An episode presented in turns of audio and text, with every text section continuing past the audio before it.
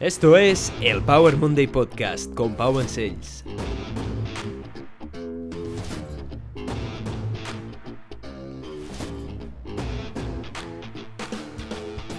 Bienvenidos a Power Monday Podcast, soy Pau, apasionado de fitness, motivación y ciencia y en este episodio te voy a hablar de un tema súper importante que he estado leyendo en un libro que se llama Cómo ganar amigos y influir en las personas de Dali Carnies, que habla básicamente de las relaciones humanas y de algunas cosas que son muy fundamentales y tiene unas lecciones muy válidas. En el Power Curiosity voy a hablar de la sal negra. La sal negra y su gusto que no te esperas, un gusto increíble que cuando yo lo probé me dejó flipando. Y te voy a explicar el por qué en el Power Curiosity. Así que vamos ahora a por la frase de este episodio, que más bien que una frase es una regla de Dali Carnegie, de su libro Cómo ganar amigos y influir en las personas.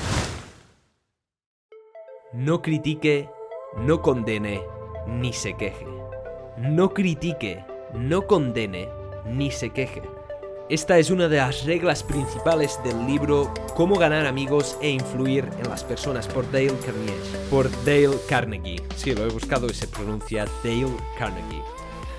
¿De acuerdo? Así que esta regla también se podría traducir a no te quejes, no critiques y no envidies.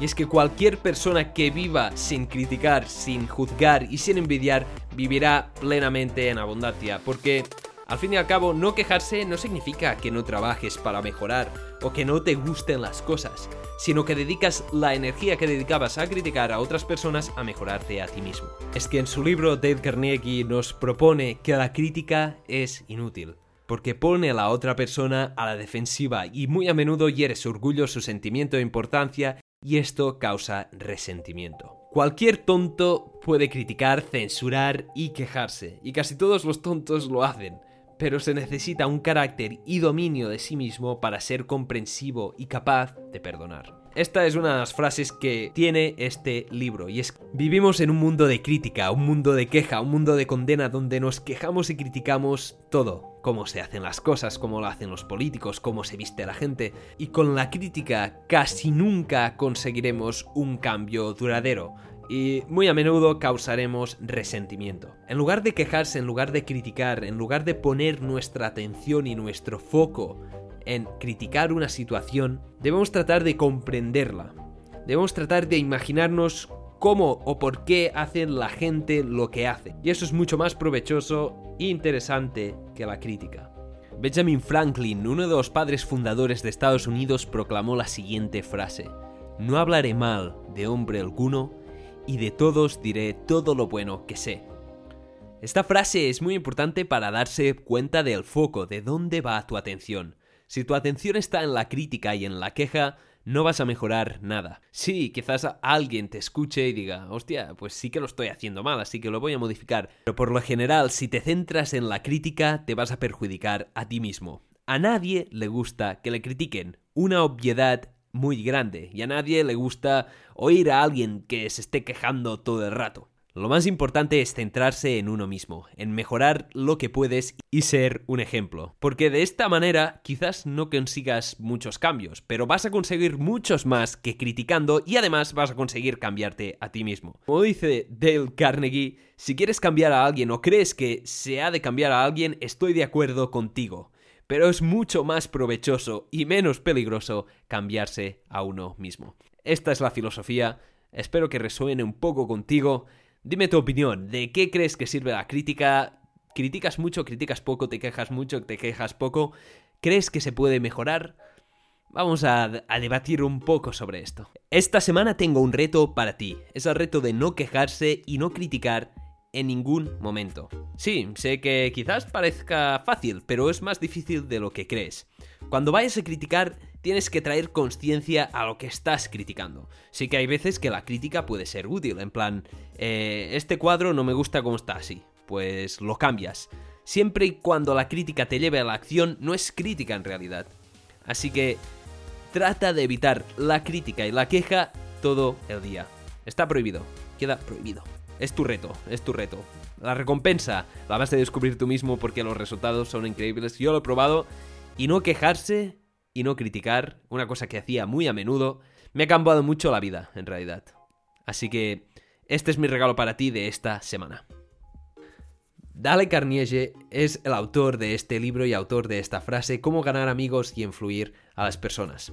Este libro es un libro con consejos atemporales de cómo tratar con las personas y mejorar mm, las relaciones al fin y al cabo. El autor de este libro es uno de los padres de la autoayuda y de los libros bestsellers de autoayuda, de consejos de estos. ¿Vale? Está bien, está bien echarle un vistazo a los antiguos. Me hace mucha gracia y es muy curioso cómo utiliza siempre ejemplos de Benjamin Franklin, de Abraham Lincoln, de gente que vivió en los 1800, porque claro, cuando él escribió este libro, él ya era un poco mayor, así que lecciones que son muy útiles para ver cómo puedes conseguir modificar o influenciar el comportamiento de la gente de forma positiva.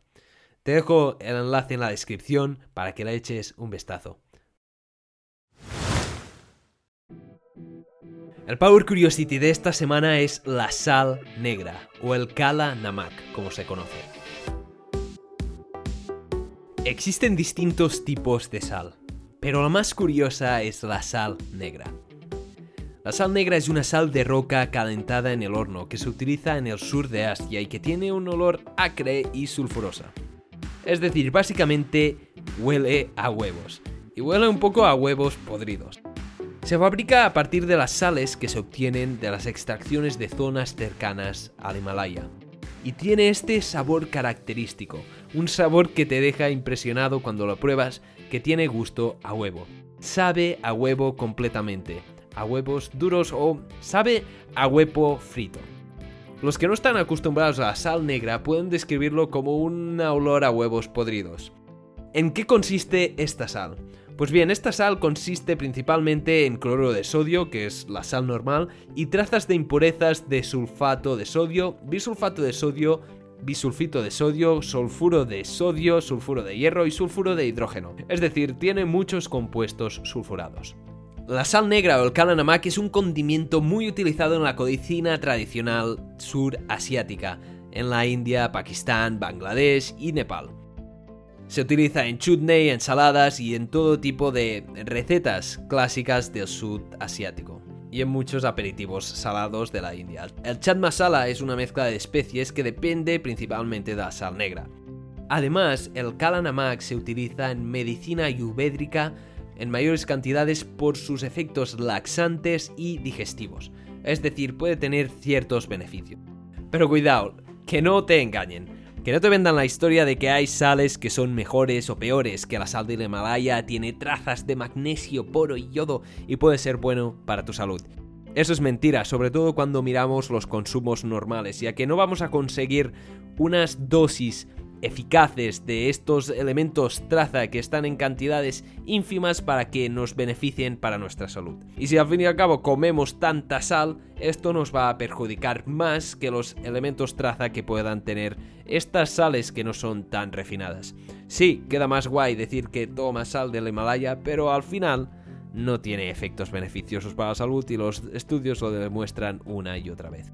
Y en cuanto a la sal negra, la he probado y la verdad es que con aguacate parece que te estás comiendo un huevo frito. Te recomiendo que le eches un vistazo, que la pruebes, la puedes encontrar en la descripción, te dejo un enlace para si la quieres comprar. La sal negra es muy útil para aquellos que han dejado de consumir huevos, ya sea porque son alérgicos o porque se han hecho veganos o vegetarianos y simplemente no quieren comer más huevo. Sirve para reproducir la experiencia gustativa del huevo y la verdad es que lo hemos probado varias personas y el gusto es de huevo. Es que... Créeme, sé que quizás no te creas que solo la sal puede tener gusto a huevo frito.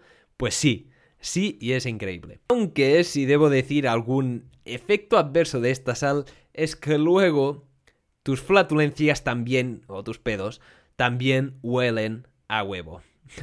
y en fin. Y esto es todo por el Power Curiosity. Muchísimas gracias por haber escuchado este episodio. Si te ha gustado, por favor, dale a like, dale me gusta, compártelo, haz lo que puedas o lo que quieras en cualquier plataforma que estés utilizando y te lo voy a agradecer muchísimo. Recuerda, no critiques, no condenes ni te quejes, porque al fin y al cabo solo lo que puedes mejorar es a ti mismo. Y la sal negra, la sal negra es brutal, échale un vistazo, te dejo todos los enlaces en la descripción. Muchísimas gracias por escuchar este episodio, te deseo una gran semana llena de crecimiento y foco en lo que más quieres.